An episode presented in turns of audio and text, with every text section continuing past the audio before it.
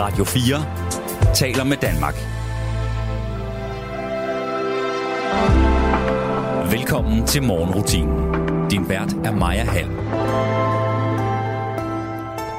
Præcis i dag i 1886 indrykkede farmaceuten John Pepperton en øh, annonce for en helt særlig læskedrik i øh, Atlanta Journal. Kan du gætte, hvad det var for en? Svaret får du lige om lidt, når vi får besøg af dagens gæst. Men vi starter udsendelsen med Megdes Give You More. I'm still so young, and sometimes I forget it. Cause every time I get my way, I wait for something new to happen. You prove me wrong, I'm on the edge of begging. Cause I know what I've been working for, and I'm not ready to give it up. So let me know. Cause I'm sitting here, been waiting way too long. Feeling heavy like a stone. Lift me up and help me out the door. Getting nowhere if I'm on my own. And I'm stuck between my time and what I want. And it seems I'm always wanting more. Come on, give me what I'm looking for.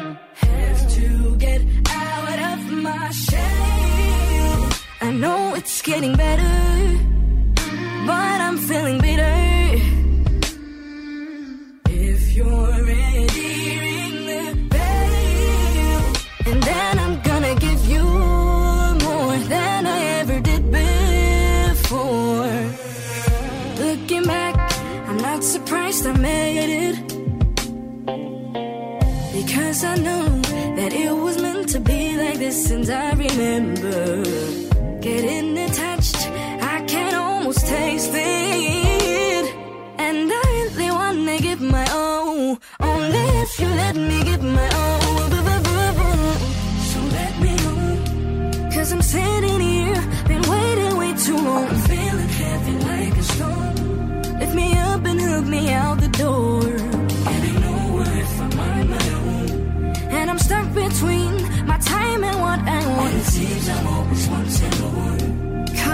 Me what I'm looking for.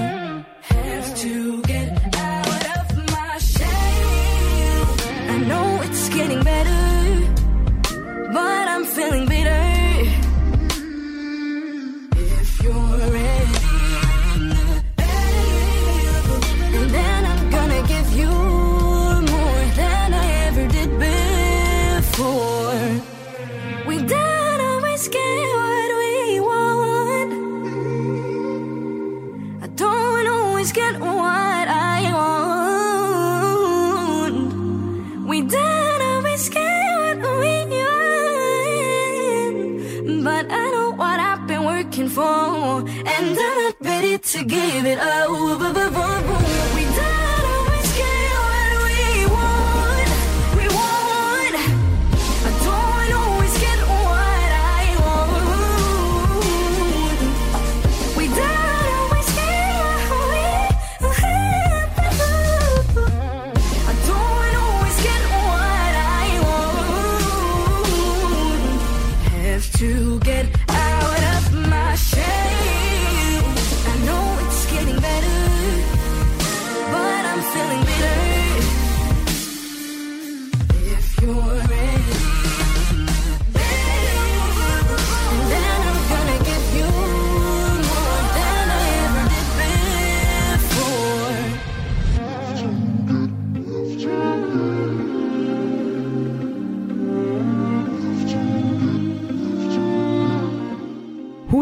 150 året for forfatteren øh, Johannes V.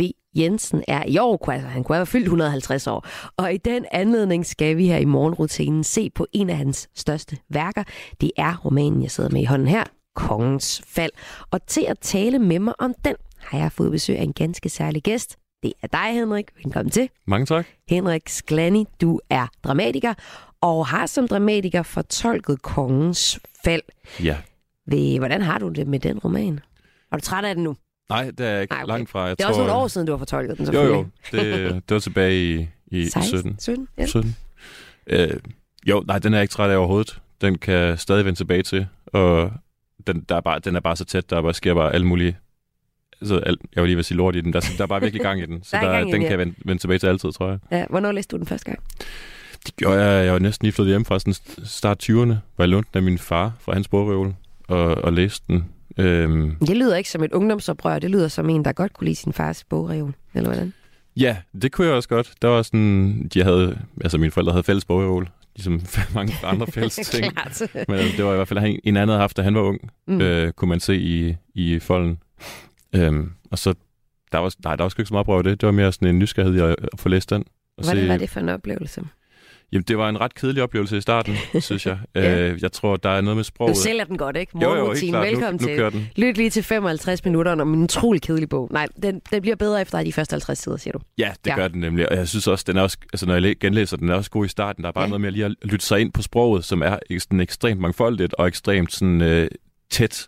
Så, der, så derfor så øh, sker der enormt mange detaljer hele tiden, som, øh, som er sådan, hvis man er vant til at, at bare få sådan fra 0 til 100 og drive derud af, så er det, så er det sådan, der skal man lige lytte sig lidt mere ind på det her, inden at den ligesom tager fart. Fordi så tager den også fart, og så, så kører Mikkel Tøresen derud af. Ja, som er vores øh, hovedperson, og vi skal også mere ind i, hvad det er for en øh, roman det her, og hvordan du har det med den, fordi man kan jo godt, godt kunne lide et værk, og så også synes, det er super irriterende nogle steder. Det skal vi blandt andet se på. Men øh, må jeg ikke lige høre dig, hvordan var det at bearbejde Kongens Fald som teaterstykke, da du gjorde det? Altså, sætter man sig ned og læser det øh, en hulens masse gange, sådan et, en, et værk, eller hvad gør man? Ja, det gør man. Ja, og så, det er bare øh, det. Og så, Ja. så prøver man at lave, eller jeg prøvede i hvert fald at lave en forskningsskitse til ham, instruktøren Carlos Padrissa, som boede i Barcelona. Og så tog jeg ned til ham, og så øh, kiggede han på det, jeg havde lavet, og vi snakkede om det, og så sagde han, maybe for tomorrow you write the first three scenes. øh, Ja. Og så var det jo bare med at prøve at komme i gang, og, sådan, og så, var så var vi i gang, og, i gang med at finde form på det, og, og prøve at finde ud af, hvordan historien skulle fortælles, og hvordan man kunne beholde sproget, samtidig med, at handlingen kom derud af, og så finde ud af, hvad den her hovedkarakter ville. Fordi i bogen vil han ikke så meget, Mikkel Tøresen. Altså, han bliver mere sådan skubbet rundt i livet, Mm. mm. øh, og så har han nogle længsler, som man ikke helt handler på så kraftigt.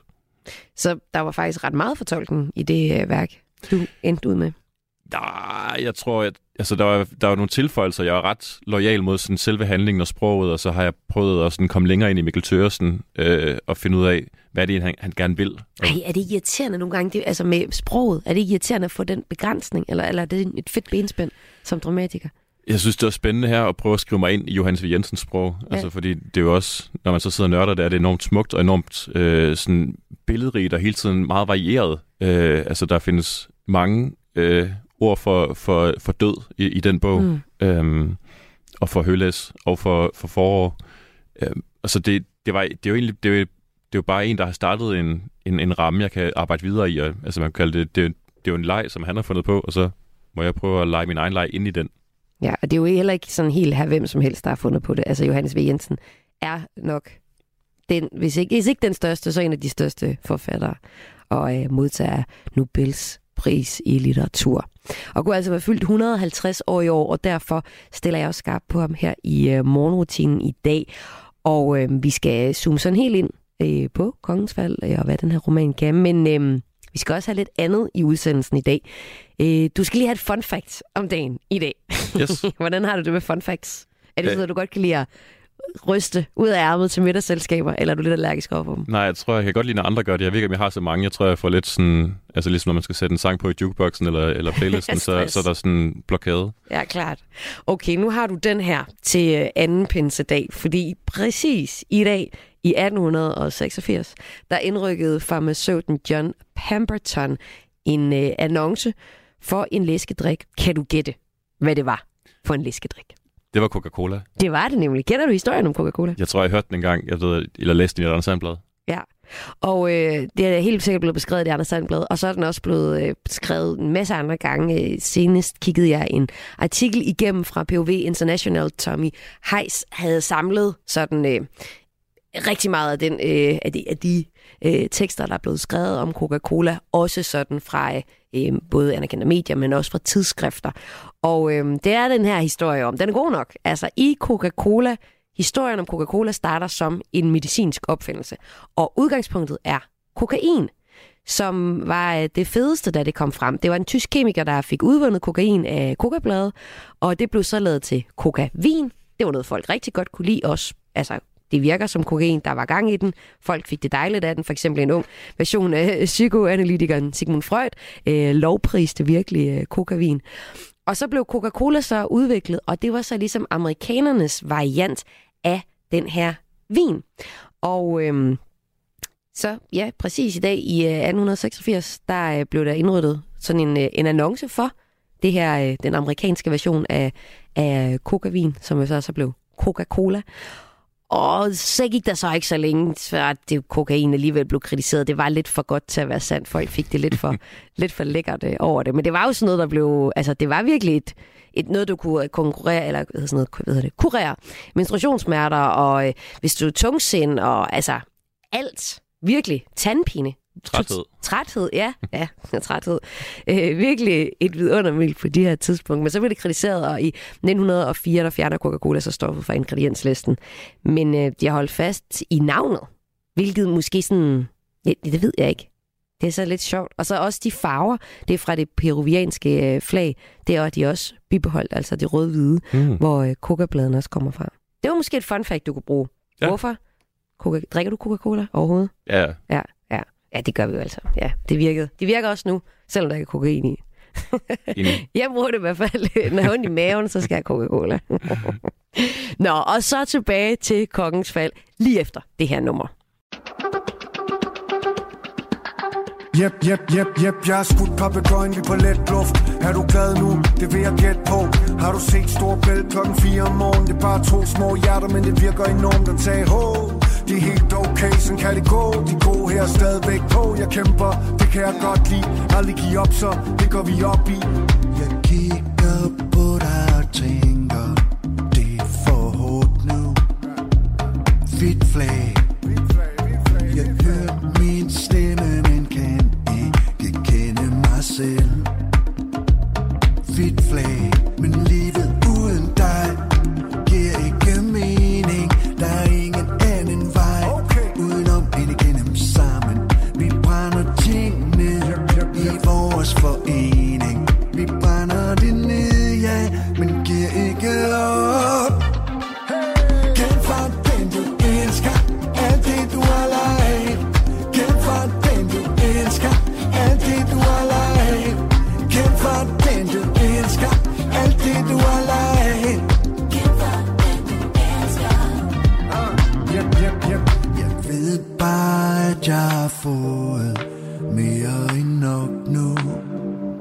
Hvidt flag. Jeg ved bare, du har fået endnu mere end nok end mig. Hvidt flag, men livet uden os giver ikke mening, så vi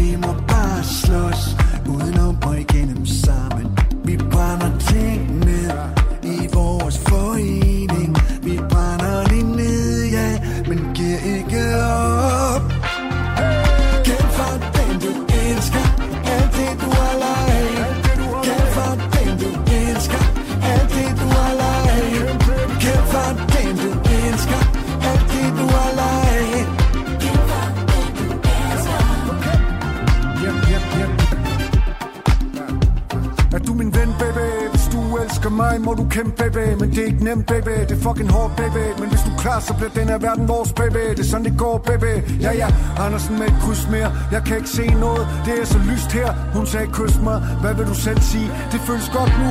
Det tager mig selv, Liane Linde, hvad så?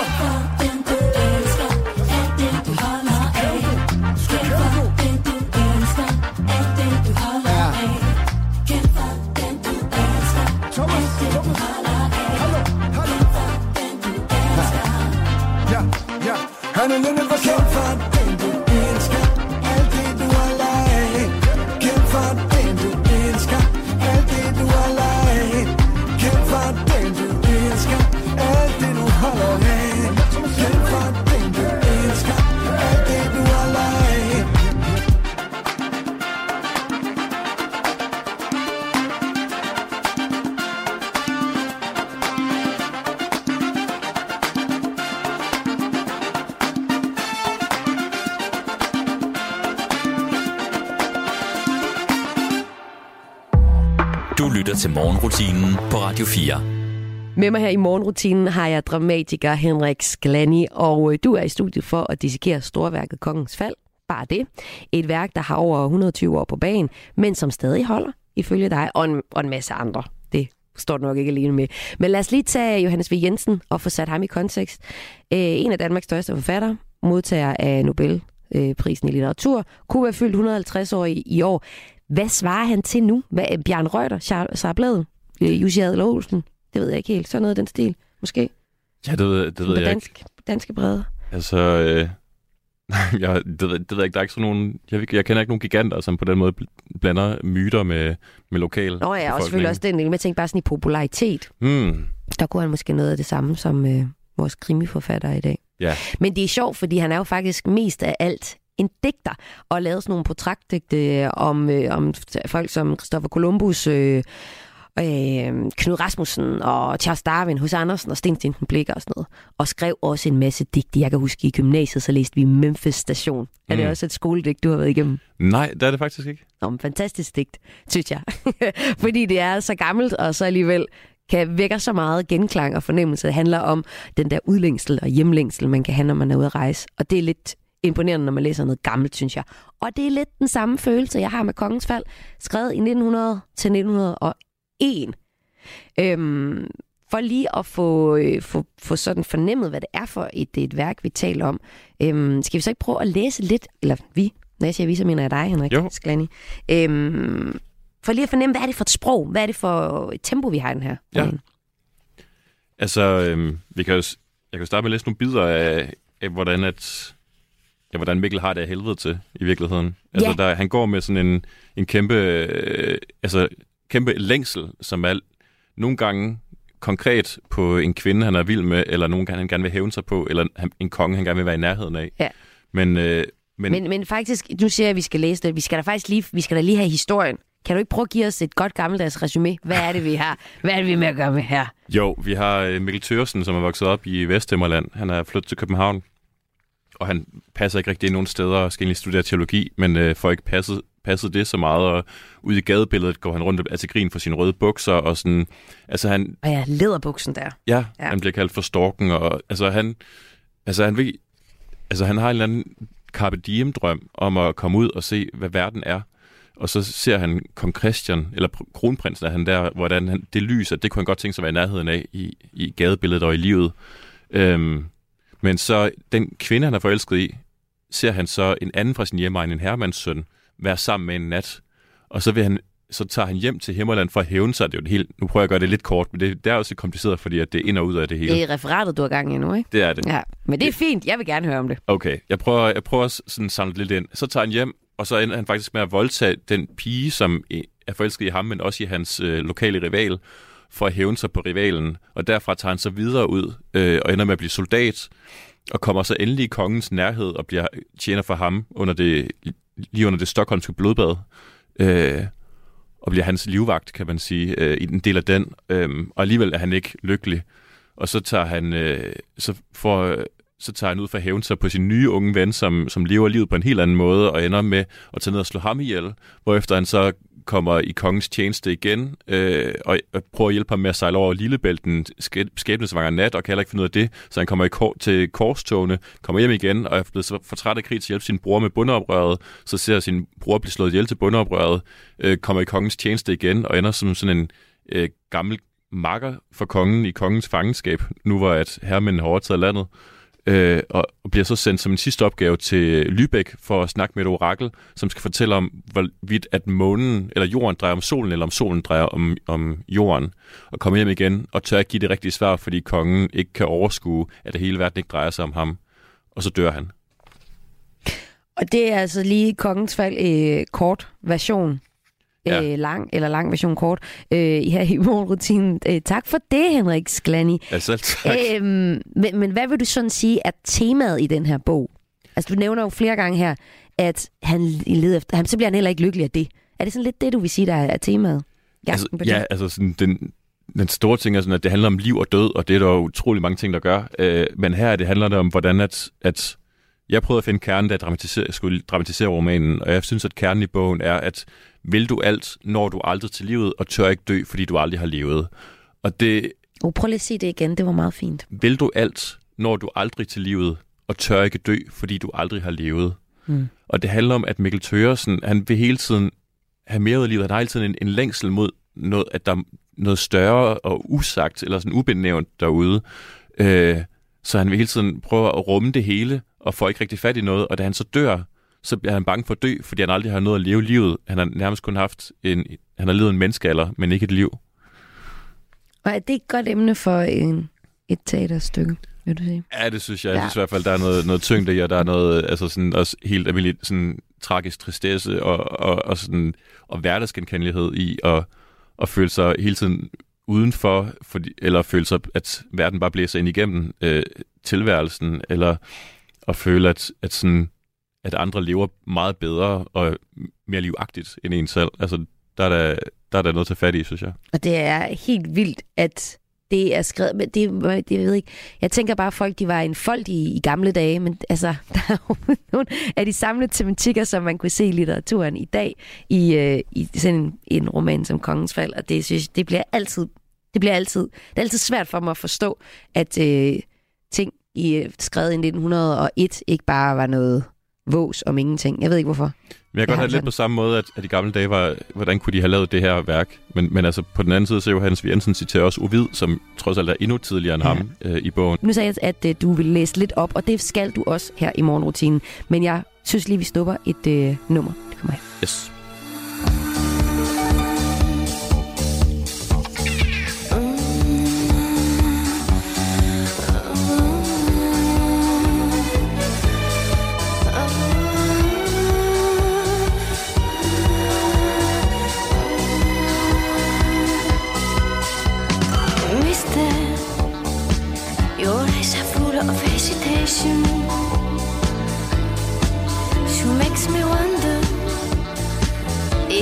You what you're looking for.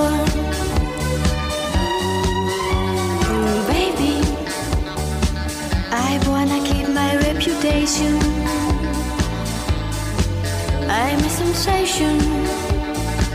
You try me once, you'll beg for more.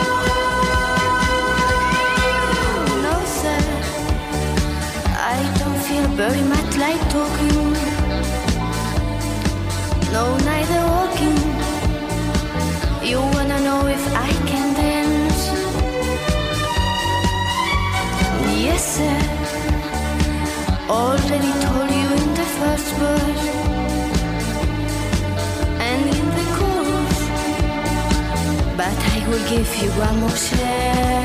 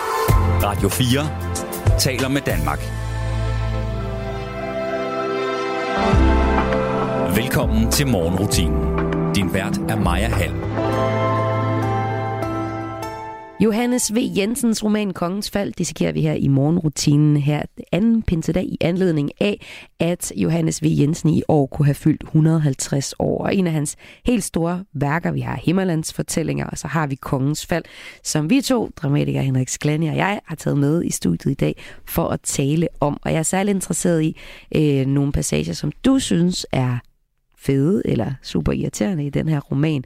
Men allerførst, så synes jeg lige, vi skal have fornemmet sådan energien i bogen. Du havde et øh, stykke, du fundet frem før, men så spurgte jeg dig om masser af andre ting, så det fik Ja. du aldrig læst op. Vil du ikke gøre det nu? Jo, altså jeg, jeg, tænker, jeg har i hvert fald to stykker med. Det ene handler om sådan Mikkels indre melankoli, øh, og det andet handler om, hvordan bundeoprøret bliver slået ned. Lad os tage nummer to først. Ja, jeg tror også, det, sådan, det giver ligesom et billede af, hvad, hvad, den også, hvad der også sker i bogen, som er sådan en, en, en meget øh, sproglig smuk beskrivelse af meget forfærdelige ting. Men det handler om, at bønderne øh, har gjort oprør øh, og har forskanset sig i Aalborg, og nu har herremændene ligesom øh, fået øh, hjælp fra Johan Ransau til at, øh, til at, til at tage, tage magten tilbage. Det er, det, man også, det er også det, man kender fra Skipper Clemens morgensang. Øhm, ja, og så, øh, yes, det kører, jeg kører bare. Hver kugle, der kom strålende, var en fjende, som de ikke kunne se eller møde. Det tog pippet fra dem. De kendte ikke nogen anden krig end den, hvor mand står mod mand. Strategiske regnestykker havde deres fædre heller ikke overlevet dem noget om. Da de endelig kom i nærkamp, som de så inderligt ville og fik fat med næverne, der var det jo for sent, da havde slaget allerede længe været tabt. Stillingen var håbløs, men bønderne for ud som grævlingen mellem hundene, da de opdagede det. De sloges desperat. De udviklede tre mands styrke hver for sig. De klippede næsten herremændene i stykker med deres læger og hakkelsesknive, når de kunne få dem inden for hænders rækkevidde. Men de blev snart splittet. Man havde omringet dem. Der hang en koldblodighed over dem. De var solgt. Der var til sidst 2.000 vendelbrugere, som ikke kunne komme over Limfjorden og hjem. De blev slagtet ned. De øvede landsknægte spændte dem ind. Herremændene trådte i dem. Der stod de pakket sammen. De slog og stak om sig, mens sejrherrene dræbte på dem. De græd i det bidende vintervejr. De faldt hulken om i sneen med kløvede hoveder. Den aller sidste lille flok værvede for sig i vanvid med rasende skrig. De græd tænderskærne, men sværet var over dem. Jern og bly slog gennem deres lammeskinstrøjer og ind i de rystende kroppe. Pikkolber knuste deres hænder, drev dem gennem kabusserne og sprængte hovedet på dem. Der var ingen pardon. De blev lagt øde til sidste mand. Og det er altså Kongens Fald fra Johannes V. Jensens roman, som du læste lidt op af øh, her, Henrik Sklani, her i morgenrutinen på øh, Radio 4. Øhm, prøv lige at sætte nogle ord på det, vi lige har, øh, har læst. Jeg får, øh, altså det, det, det rammer bare så tydeligt desperationen. Altså det går sådan fra det abstrakte i, i at, eller sådan, at der er en krig, eller der er, der er et slag med herremænd mod bønder, og så kommer det bare helt ind til pikkolber, der går ind i kabusserne, som er de her lammeskensure, tror jeg nok, øh, Mm. som, altså, som smadrer skallen på dem. Og det her med, at der står 2.000 mand på, ved Limfjordens rand, og ikke kan komme over, som bare er omringet af heste og, og, og skud. Altså det, det, det, det er så levende beskrevet, øh, at man kan mærke, hvor frygteligt det er. Og det er noget af det, der går igen i øh, romanen her, Kongens Fald, at det er de der levende beskrivelser, og også når vores øh, hovedperson bliver øh, irriterende, så Mm. kan man også godt øh, føle med på en eller anden måde. Man mærker i hvert fald det samme i, eller man mærker i hvert fald noget irritation over hans, øh, hans beslutninger og hans øh, forhold til de situationer, han bliver øh, ramt af. Og der har du også et eksempel på, men lad os lige snuppe et nummer mere her i morgenrutinen på Radio 4. Yes. Og her i morgenrutinen på Radio 4 har jeg besøg af dramatiker Henrik Sklani, og det har jeg, fordi at du har opsat Kongens Fald for nogle år siden, og i den forbindelse dykket godt og grundigt ned i det her værk. Det gør vi også i dag, i anledning af Johannes V. Jensen kunne have fyldt 150 år i øh, år. Øhm, du har en passage mere, du skal læse op for os, øhm, og, og den handler om også en melankoli, som vi ser hos øh, hovedpersonen Mikkel Tøresen. Var det skønt, ja. dengang man hed Tøresen? Så hed man ligesom, så Tøre far hed Tøre, så hed man Mikkel Tøresen. Nå, det var en, øh, en sidebemærkning.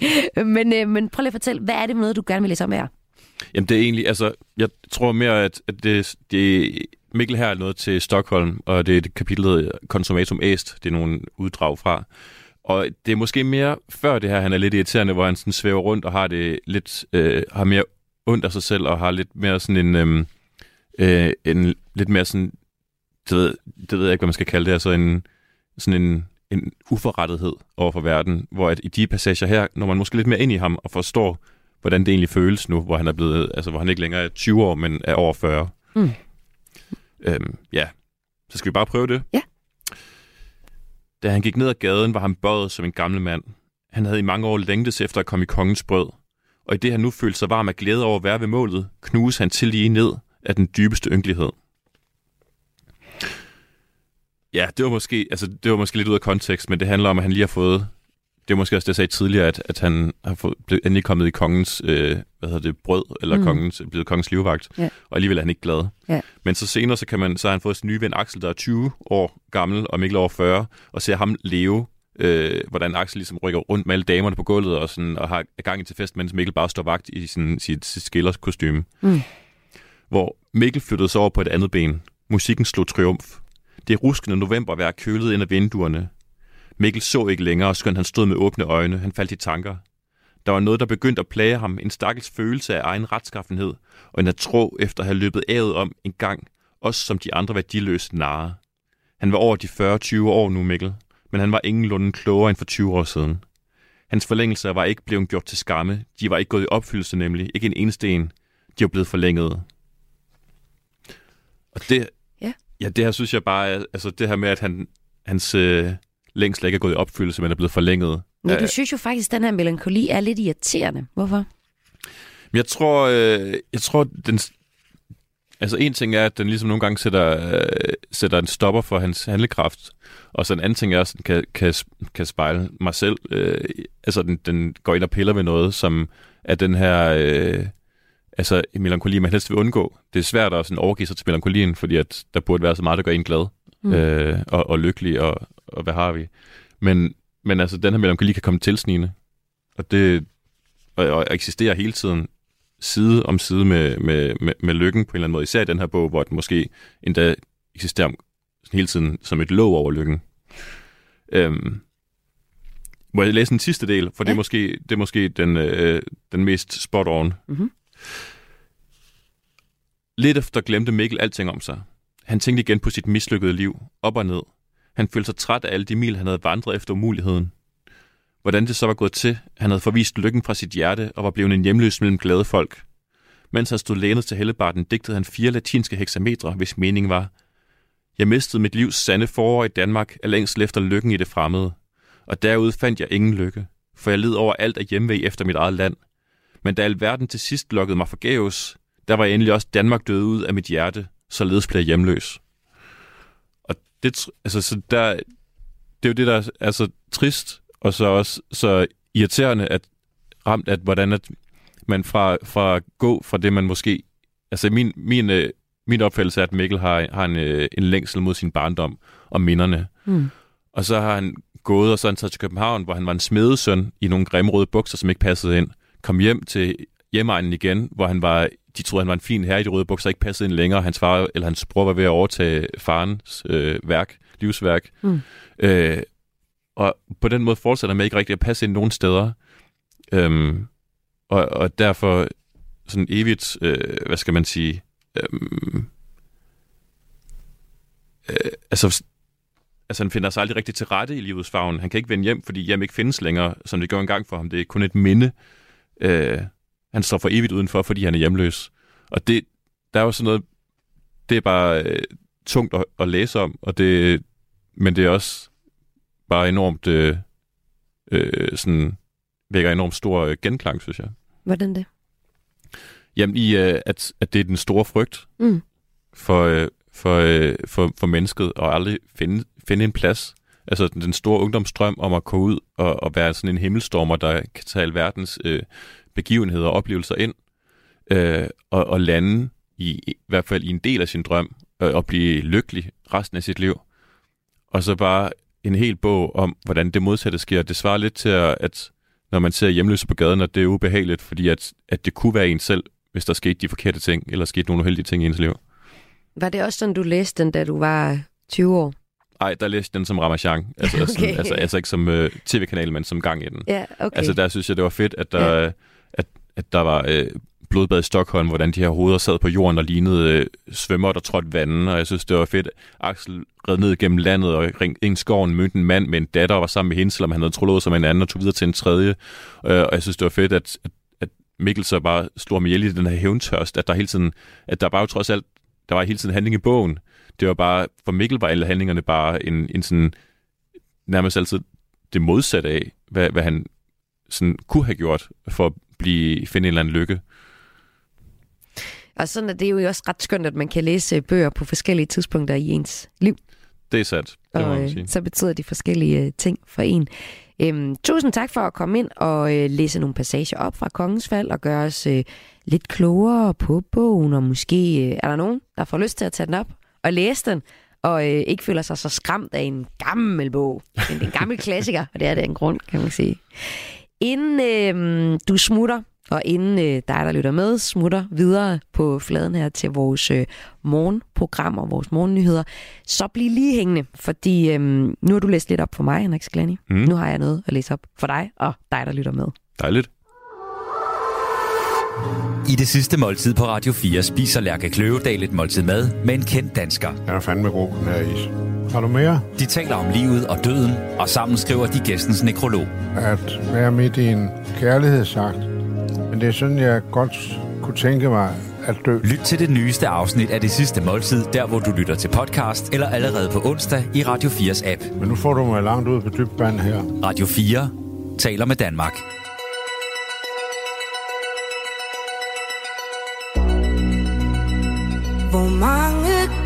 Skal der gå? Du er så tavs, hvad tænker du på? Jeg gemmer dit hjerte?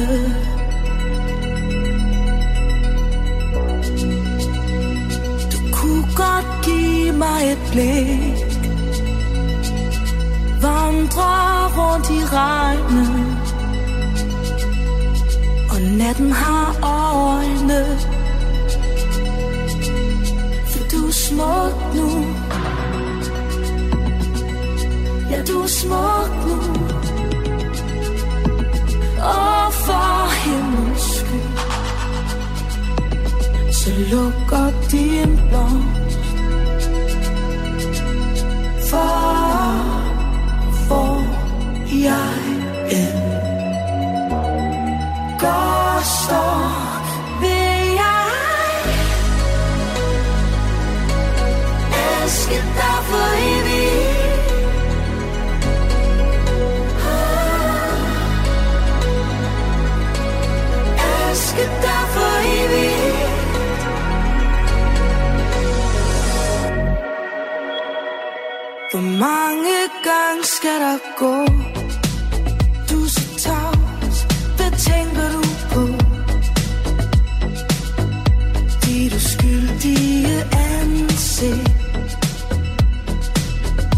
For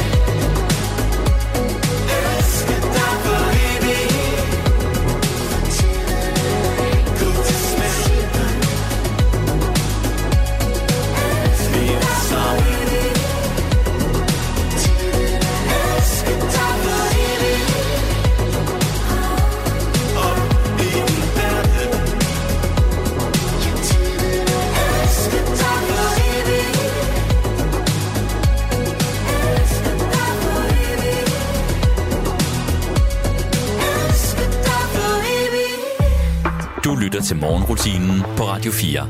Ja, inden jeg lader dig smutte ud i øh, verden den her øh, anden pinsedag, Henrik Sklenny, så øh, skal du lige have et godt råd for Tobe Ditlevsens brevkasse. Mm. Er det noget, du kender til? Jeg kan godt huske, at jeg har hørt om den. Ja, det er jo sådan, at i 1956 til 1976, der havde hun simpelthen en brevkasse i familiejournalen, hvor hun øh, skrev gode råd til alle dem, der skrev ind, og øh, de råd, de blevet samlet, og de er ret skønne at læse, fordi nu vi snakker lidt om tid og øh, tidens, altså hvad der er ligesom, om der er nogle ting, der går igen, og nogle følelser, der går igen, det er der jo også her, men det er også et virkelig spændende tidspunkt, hun skriver i, altså hvor vi har nogle familiestrukturer, der i den grad bliver udfordret i 50'erne, 60'erne, som er her, hvor hun skriver i, og det er også herfra, vi skal have noget øh, fra, skal vi se her. Åh, oh, skal vi ikke tage, jeg er en glad ung mand på 19 år, er det ikke lige noget, vi kan forholde os til? Det passer perfekt, lyder det til. Ja, godt nok. Øhm. Nå, 20 år var det. det. Ja, det er okay. Jeg er en ung mand på 20 år, og er meget forelsket i en pige på 17. Men jeg er generet af mig, og kan ikke rigtig komme i kontakt med hende. Vi ser hinanden tre gange om ugen på en aftenskole. Men selvom jeg gennem nogle af de andre har fået at vide, at hun godt kan lide mig, så tør jeg slet ikke foretage mig det indledende skridt. Tænk, hvis hun nu sagde nej til at gå ud med mig. Åh, ja, man føler den. Mm. Så ville alle chancer jo være forspildt. Kan de give mig et godt råd, så jeg kan lære pigen at kende? KH ung mand, eller der er underskrevet ung mand. Og så skriver to dit livsen. Kære unge mand, og jeg siger det sådan, for hun skriver det med versaler og udråbstegn. Hvorfor ikke få pigens adresse og skrive til hende? Vedgå kun af grunden til den her generthed, det er en så almindelig plage, at ingen taber ansigt ved at tilstå den.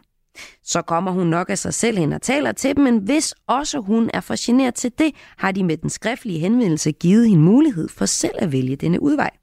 Hvorfor skulle hun dog sige nej til en invitation, når hun nu kan lide dem? Fat mod! Frygten for at få afslag kan blive så stor, at man helt lader være med at spørge.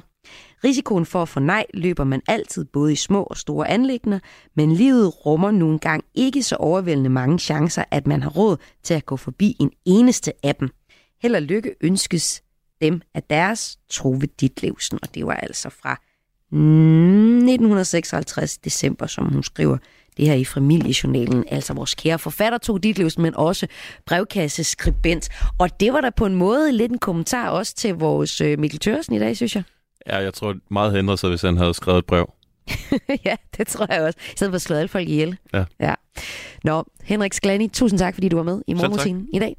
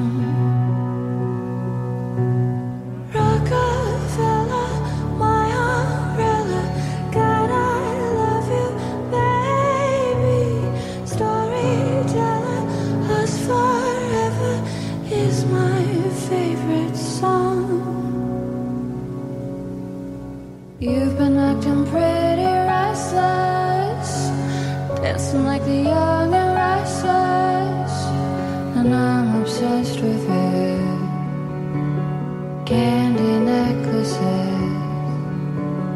You've been acting pretty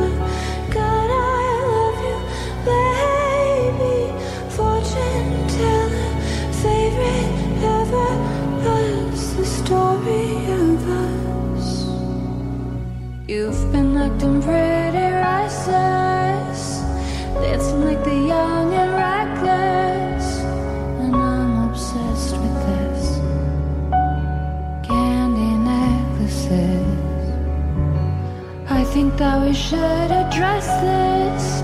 Acting like the young.